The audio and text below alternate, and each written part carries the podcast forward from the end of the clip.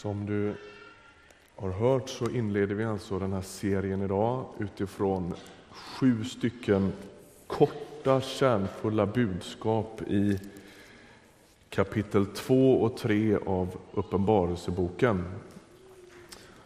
Och ha med dig den här lilla filmen i bakhuvudet därför att de här texterna är inte bara skrivna till några namngivna församlingsgemenskaper i mindre Asien utan också till oss. Vi kommer tillbaka till det strax.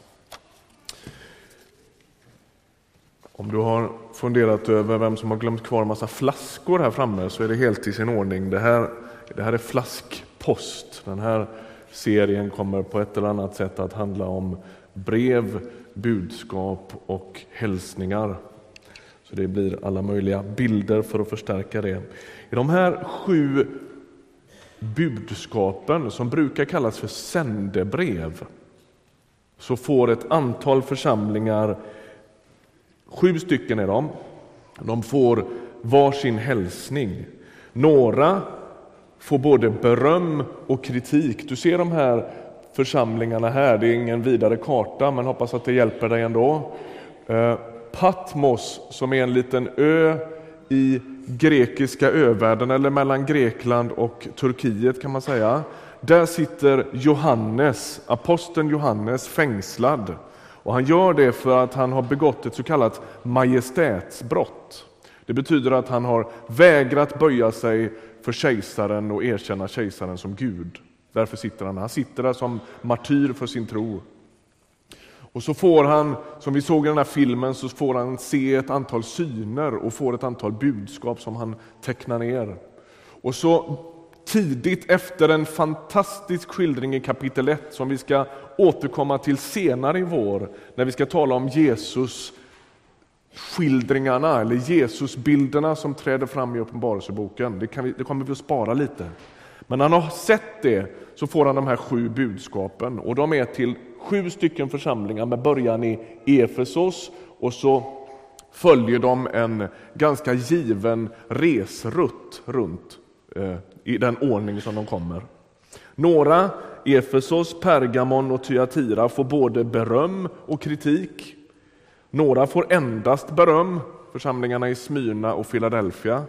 Och några får faktiskt endast kritik, nämligen församlingarna i Sardes och Laodicea. Det ska vi återkomma till. Breven är ställda till existerande församlingar på den tiden, ungefär år 90-95 efter Kristus. Men också till alla församlingar i alla tider. Så låt dig inte luras av att inte det står Ryttargårdskyrkan som adressat på det här brevet. Det har i allra högsta grad med oss att göra i alla fall. Ska vi läsa den här texten? Uppenbarelsebokens andra kapitel och vers 1. Skriv till ängeln för församlingen i Efesos. Så säger han som håller de sju stjärnorna i sin högra hand, han som går bland de sju lampställen av guld. Jag känner dina gärningar, din möda och din uthållighet och jag vet att du inte kan tåla onda människor. Du har prövat dem som kallar sig apostlar men inte är det och du har funnit att de är lögnare. Du är uthållig, du har tålt mycket för mitt namns skull och du har inte tröttnat.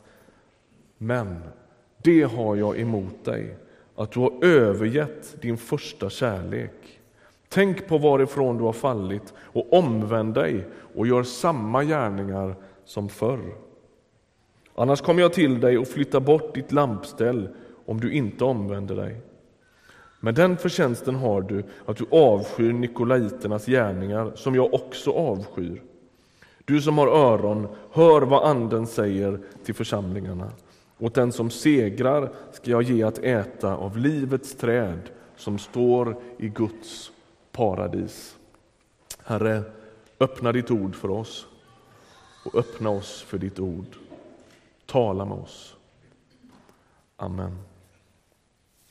Efesos var en storstad med dåtidens mått mätt. Det bodde drygt 200 000 invånare i Efesos Och Det gör att Efesos med största sannolikhet var den fjärde mest betydande staden i, i det romerska imperiet. Rom, och, eh, självklart, är, är, är, ju, är ju den viktigaste.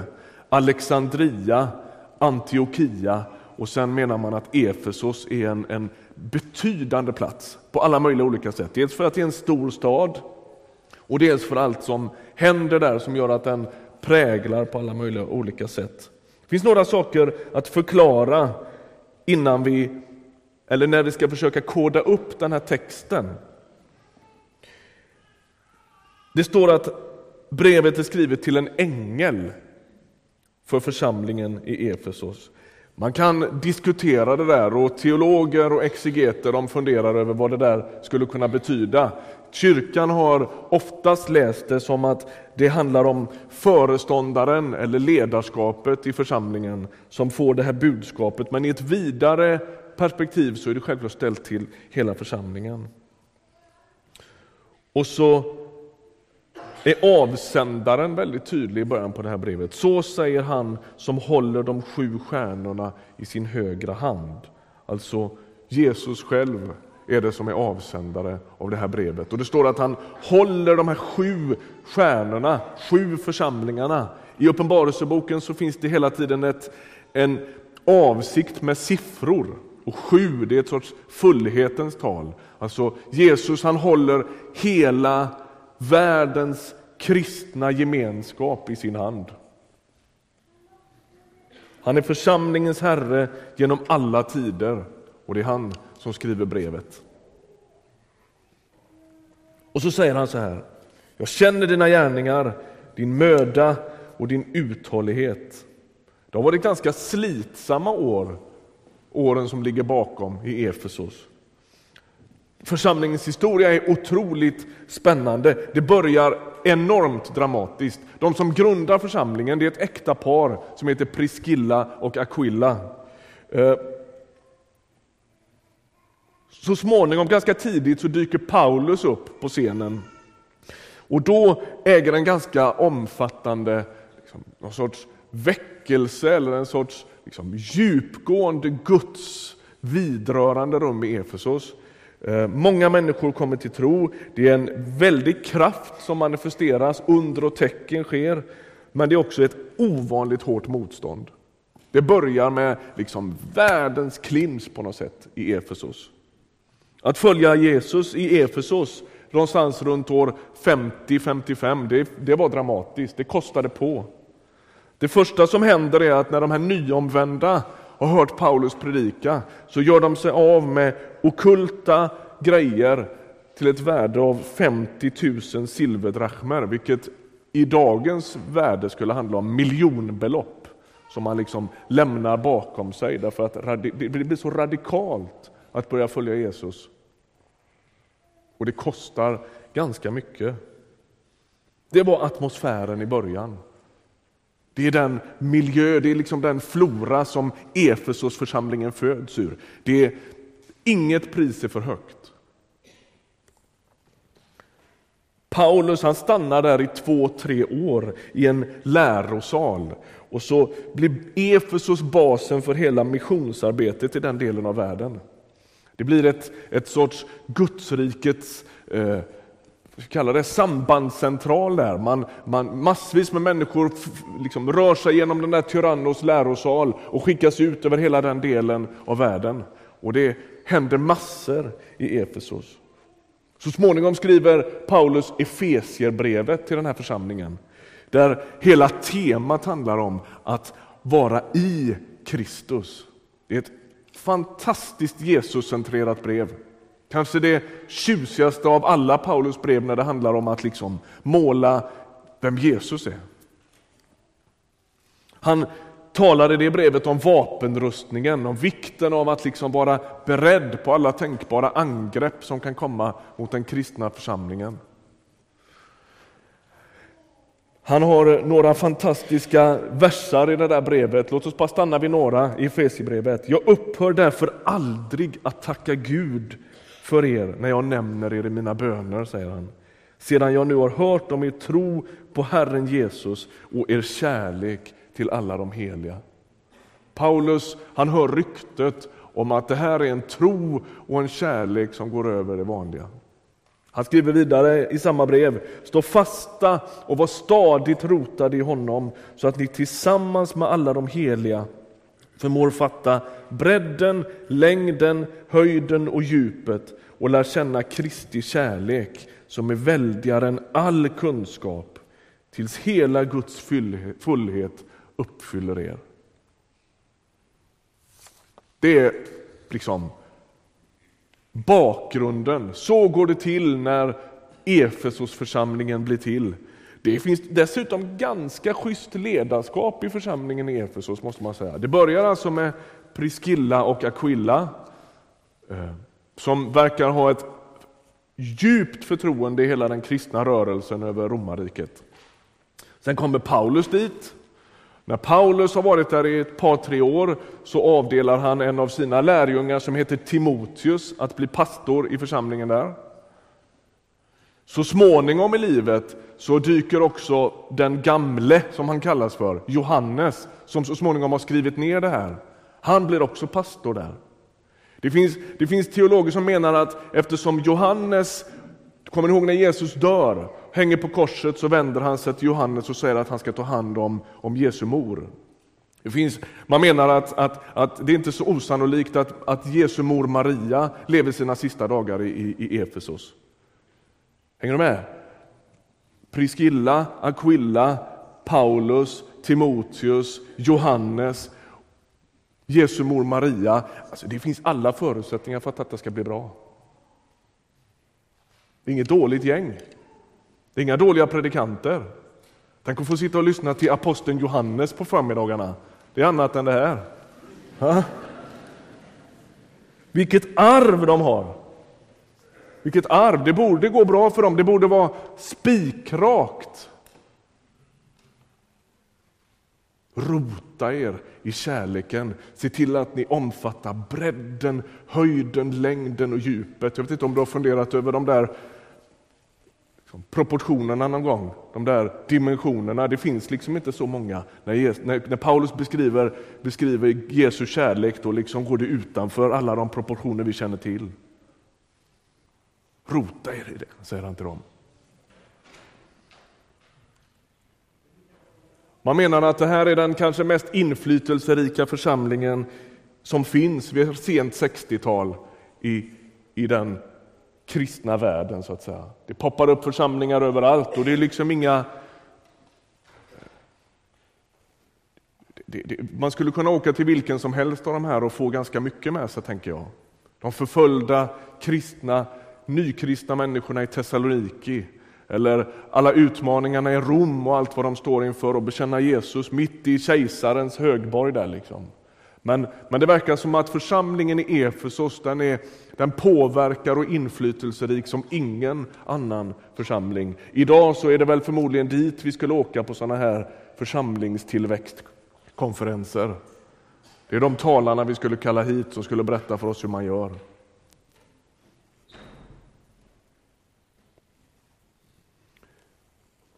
När Jesus sänder det här budskapet till dem så berömmer han dem.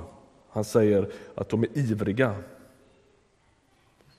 Det finns imponerande arbetsscheman och årsberättelser i Efesos.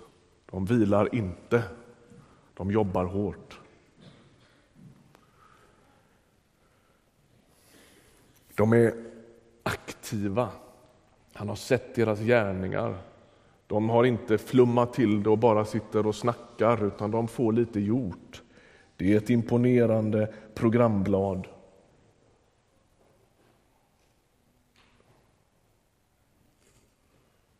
Och så är de renläriga.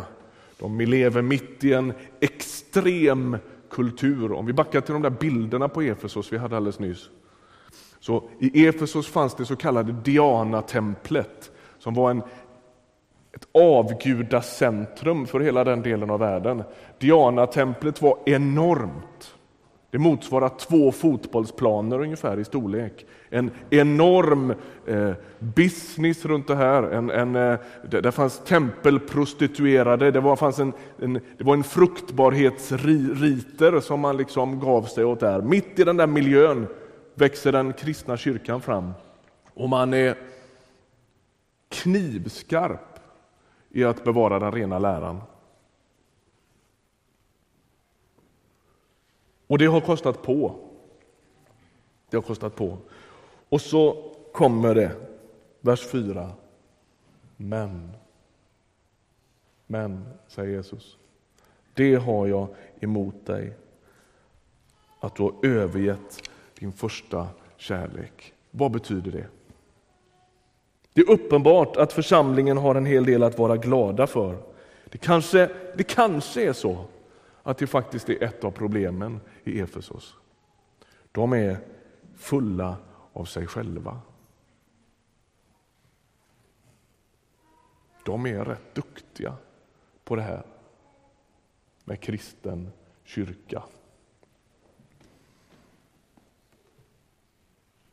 Det är som om de har lämnat beroendet av Gud och Guds kärlek och hamnat i en sorts aktivism och iver som bara bygger på mänsklig förmåga. De, de kämpar och de grejar och de, de vakar på läran och de, de, de eh, känner inte efter utan de sliter ont och de, de, de är med om motstånd och de är uthålliga. Och de, de, det finns så mycket berömvärt i Efesos. Och så är det någonting när Jesus skrapar lite på ytan eller när han med sina ögon ser rakt igenom alla de där grejerna så ser han att det finns någonting som har hänt på de där åren. På de kanske 40 åren från Efesiebrevet och Paulus besök och väckelsen och de radikala omvändelserna så har det hänt någonting. Det ser precis lika berömvärt ut, men det är någonting som skorrar.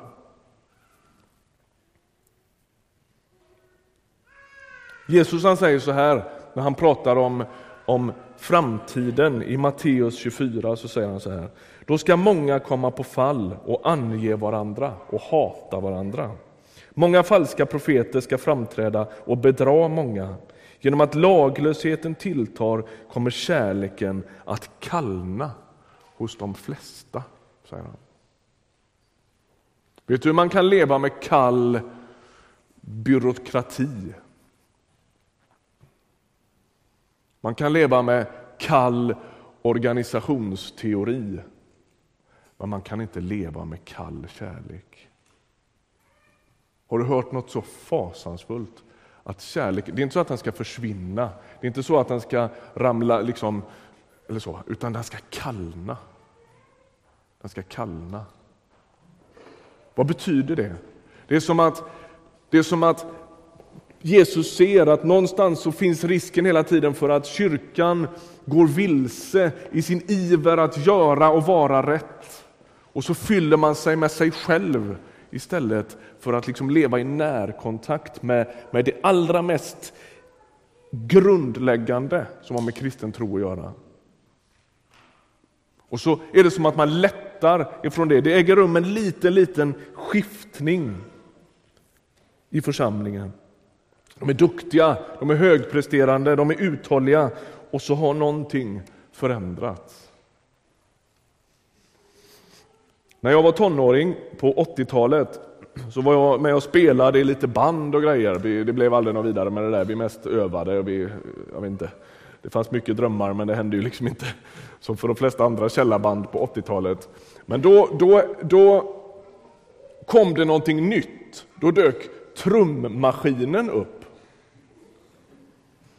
En del av er tänker, har inte den alltid funnits? Nej. En liten plastlåda så här som spelar trummor.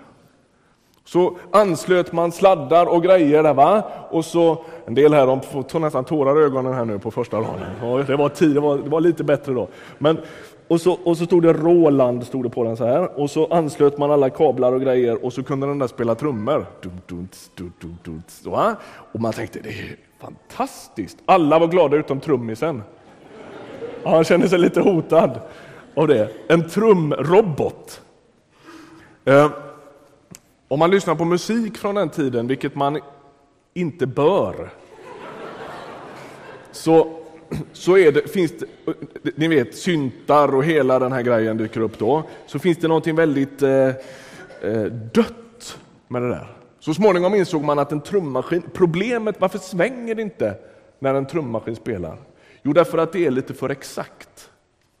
Det är exakt, exakt, exakt hela tiden och det lever liksom inte. Utan det är en maskin som står där och matar. Det finns inget som går upp mot en riktig trummis. Känner du nu lyfter det? Ja. Därför att det måste leva. Alltså när det blir för sterilt, när det blir för exakt och det liksom inte blöder längre, så går någonting förlorat. Maskiner ska inte skapa musik, det ska människor göra. I Efesos så är det oklanderligt. Det tuffar på som aldrig förr. De håller alla villolärarna på avstånd. De håller alla, all slöheten på avstånd. De håller all lojheten på avstånd. De är på tå. Men någonting som blöder och lever har gått förlorat.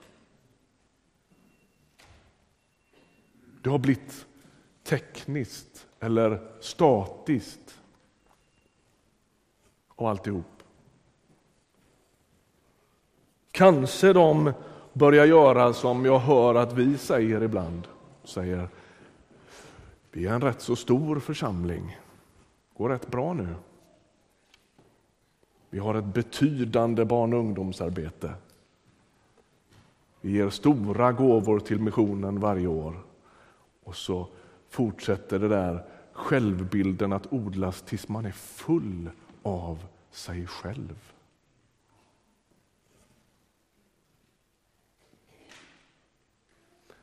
Och så börjar det dofta trummaskin av alltihopa. Det blöder inte längre. Hjärtan brister inte längre. Man tackar inte längre. Och när kärleken går förlorad men ivern bevaras, då blir man en farisé. När Jesus ska beskriva skillnaden mellan syndaren och publikanen i templet så beskriver han publika, äh, publikanen och farisén i, i templet skatteindrivaren, syndaren, den som står längst ner på skalan, som står längst bak i, i, i gudstjänstlokalen och slår sig för bröstet, vilket då betyder precis det motsatta mot vad det gör när vi säger det. Alltså en sorts uttryck för sorg, förtvivlan, jag är inte värdig. Och så, och så, och så berättar han den här liknelsen om farisén som tackar Gud för att han ger tionde av mynt hjärta och som tackar Gud för att han håller lagen. Så. Hans stora tacksägelseämne är han själv. Gå hem och läs den texten. Han tackar bara Gud för sig själv. Det är en fasansfull utveckling i ett andligt liv. Och det är som att i Efesos, mitt i allt det berömvärda, så är det något som skorrar. Det finns en försiktig skiftning där det inte blöder längre. Guds yttersta vilja för oss är att vi ska älska honom. Läs hela Gamla testamentet. Gud beskriver sig själv som en försmådd älskare som hela tiden söker, söker människan, som söker folket. Och han, han säger ni, ni ber och ni tillber, men ni, ni, jag vill ha era hjärtan. Jag vill ha era hjärtan. Religion det är när man fuskar till det. Han vill att vi ska älska honom och så fuskar vi och så blir vi religiösa istället. Religion handlar om mönster, om att ingå i ett system, att göra rätt saker vid rätt tillfällen. Men religion, det är farligt i den meningen. Därför att det blir ett substitut en sorts ersättning för det som Gud ville. Det är alltid mycket lättare att ge sig åt ett system. Att rätta in sig i ledet, att göra rätt saker vid rätt tillfälle, att tycka rätt saker, att skriva under på ett åsiktspaket. Men Gud, han söker våra hjärtan.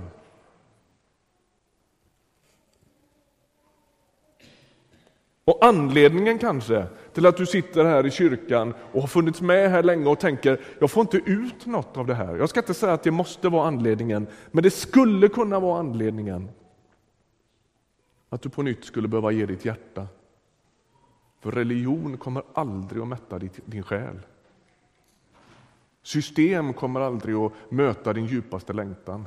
Bara Guds blödande hjärta för dig kommer att möta din djupaste längtan.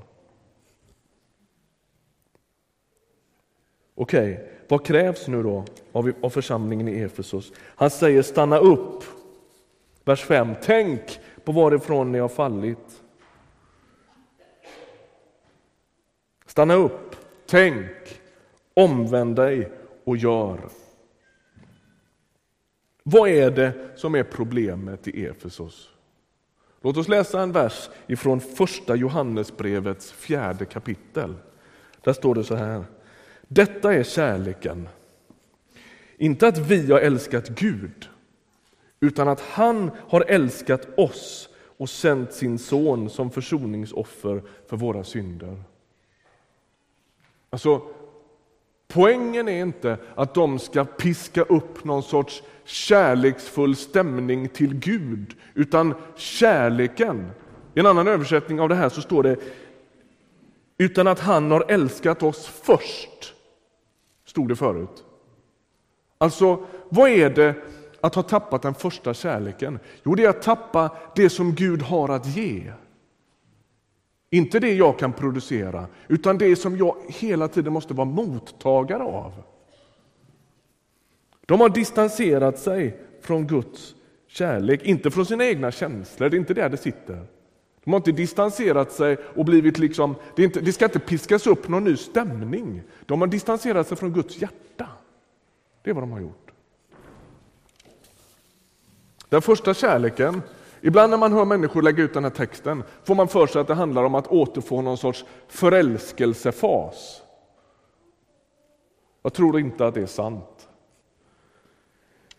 Det är inte ett känslorus vi ska jaga. Ibland har människor talat över den här texten och sagt, ja men vadå, första kärleken det handlar väl om att liksom bli som man var när man var nykristen och 16 år. Ja, men jag tror att det där bara låser oss. Det bara låser oss. Det är inte, det är inte, det är inte, det är inte avsikten att 43-åringar utan hår på huvudet ska bete sig som de var 16. Det är inte det som är avsikten. Därför då blir det precis samma sak igen. Då fastnar man i sig själv. Du ska inte titta in i dig själv för att råda bot på det här.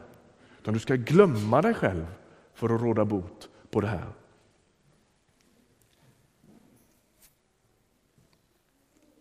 Om du bara kommer ihåg en enda mening av den här predikan, det är inte så illa. Det är inte alla predikan man kommer ihåg en mening. Nu kommer den. Vi ska inte jaga en känsla, utan en person. Kommer du bara ihåg en enda mening av idag så vill jag att det är den. Du ska inte jaga en känsla, utan en person. Det som Efesierna har, har, har tappat bort, det är inte stämning i mötet, utan det är något mycket, mycket djupare. Det är något mycket, mycket djupare. Detta är kärleken, att Gud har älskat oss först. Att leva i den första kärleken, att hålla fast vid det enkla budskapet och insikten om att man är älskad och förlåten. Det är vad det handlar om. När den kristna kyrkan blir snusförnuftig, sitter på armlängds avstånd och bedömer, analyserar, dissekerar, fnyser och blir lite pösig då tror jag att man ska höja ett varningens finger. Jag skulle hävda att det gäller hela svenska frikyrkan. Hela den svenska frikyrkligheten löper jätterisk att vara med om just precis det.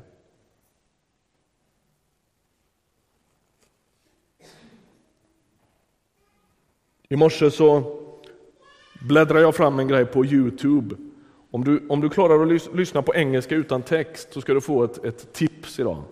Du ska, du ska söka på Youtube efter ett klipp som heter When was God at his best? Pastor Hill predikar. En svart, mustig sydstatspredikant. Um, ehm, ja, det är så grymt bra. Han predikar om när var Gud i sitt esse? När, när var Gud som allra bäst? Och så går han igenom hela, hela liksom, skapelsehistorien, från skapelsens morgon och hela vägen fram med den bibliska historien. Är detta när Gud var som bäst? säger han. Nej. Och så fortsätter han och så fortsätter han. Nu avslöjar jag lite här, men du ska höra på det ändå, därför att det är så, det är så otroligt bra. Och så, och så rundar han av efter så 35 minuter av att ha målat. Liksom. Tänk, är inte detta när Gud var som bäst? När, när David slår Goliat, då är väl Gud som bäst? Nej. Och så går han vidare, fram genom hela historien. Och Jesus på korset, är inte det när Gud var som bäst? Nej. Och så säger han till sist, när Gud kom till en liten svart 11-årig pojke i Texas och rörde vid honom och visade sig för honom och förvandlade hans hjärta. That's when God was at his best. Och jag tänker att det där, det är grejen. Va? Att liksom ha någon sorts närkontakt med det. Att jag är en älskad människa. Att Gud har ropat sitt namn över mitt liv. Att Gud har förlåtit min synd. Att om Gud tog sin hand ifrån oss så skulle det vara ute med oss. Att aldrig tappa bort det. Inte bara på ett individuellt plan, utan som gemenskap. Att förstå att det är bara genom Guds nåd som den här kyrkan är full med människor. Det är bara genom Guds nåd som du har hittat hit. Det är bara genom Guds nåd som du är bevarad. Glöm inte det.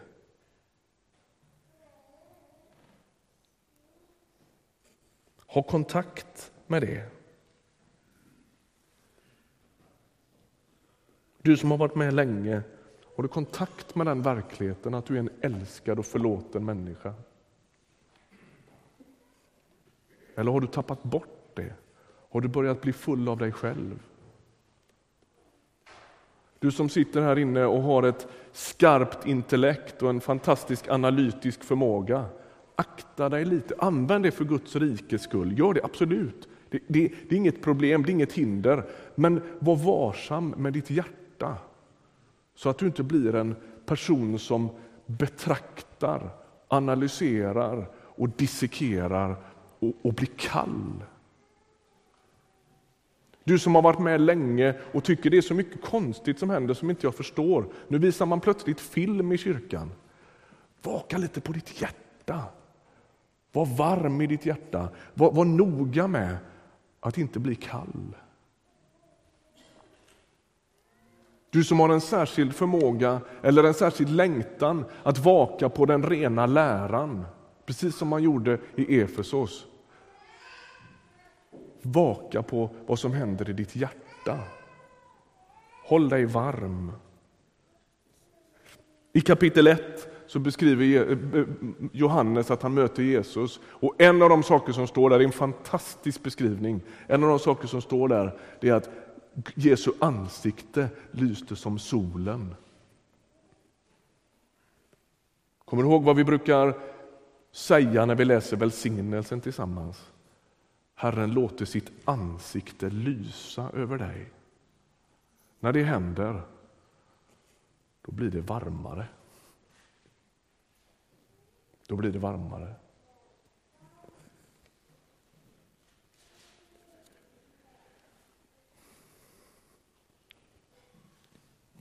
För Jesus är inte detta någon liten sak. Efesosförsamlingen får en väldigt skarp varning och Jesus säger om inte, om inte ni kommer till rätta med detta så kommer jag att ta bort lampstället. Alltså då kommer uppdraget och hela församlingens existensberättigande och Guds närvaro i den att försvinna. Det kommer fortsätta att kallna tills det dör. Det som är tragiskt är att det var precis det som hände. I alla de här församlingarna. De dog. De försvann. Det är ingen liten fråga. Det är helt avgörande. Men den som lyssnar och vänder om får del av Guds paradis. Förlorar man Jesus så förlorar man allt. När var Gud som bäst? När han kom till vanligt folk i Linköping rörde vid deras hjärtan, blåste liv i deras själ och lät sitt ansikte lysa på dem. Vårda det. Ska vi be en bön? Herre, tack för att du är här. Jag ber för alla oss som är här, vilka vi än är, hur tydlig vår bekännelse än är. Vi ber att få röra oss i riktning mot dig. Vi ber att få värmas av dig. Vi vill vända oss till dig.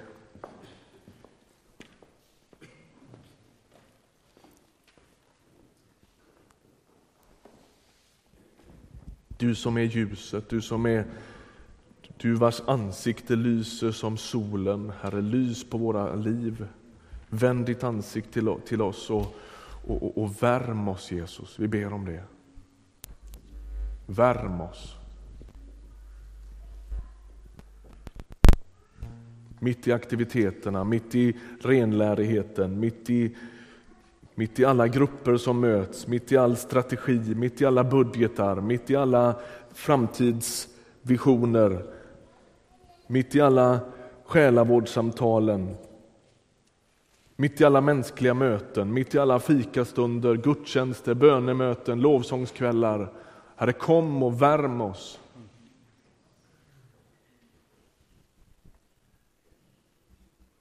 Bevara oss ifrån att fylla oss med oss själva. Fyll oss med dig, Jesus. Fyll oss med dig. Tack att du har älskat oss. Tack att du har vänt ditt ansikte till oss. Tack att vi får vända oss till dig och bara ta emot vad du har att ge. Tack att du hör oss när vi ber. Amen.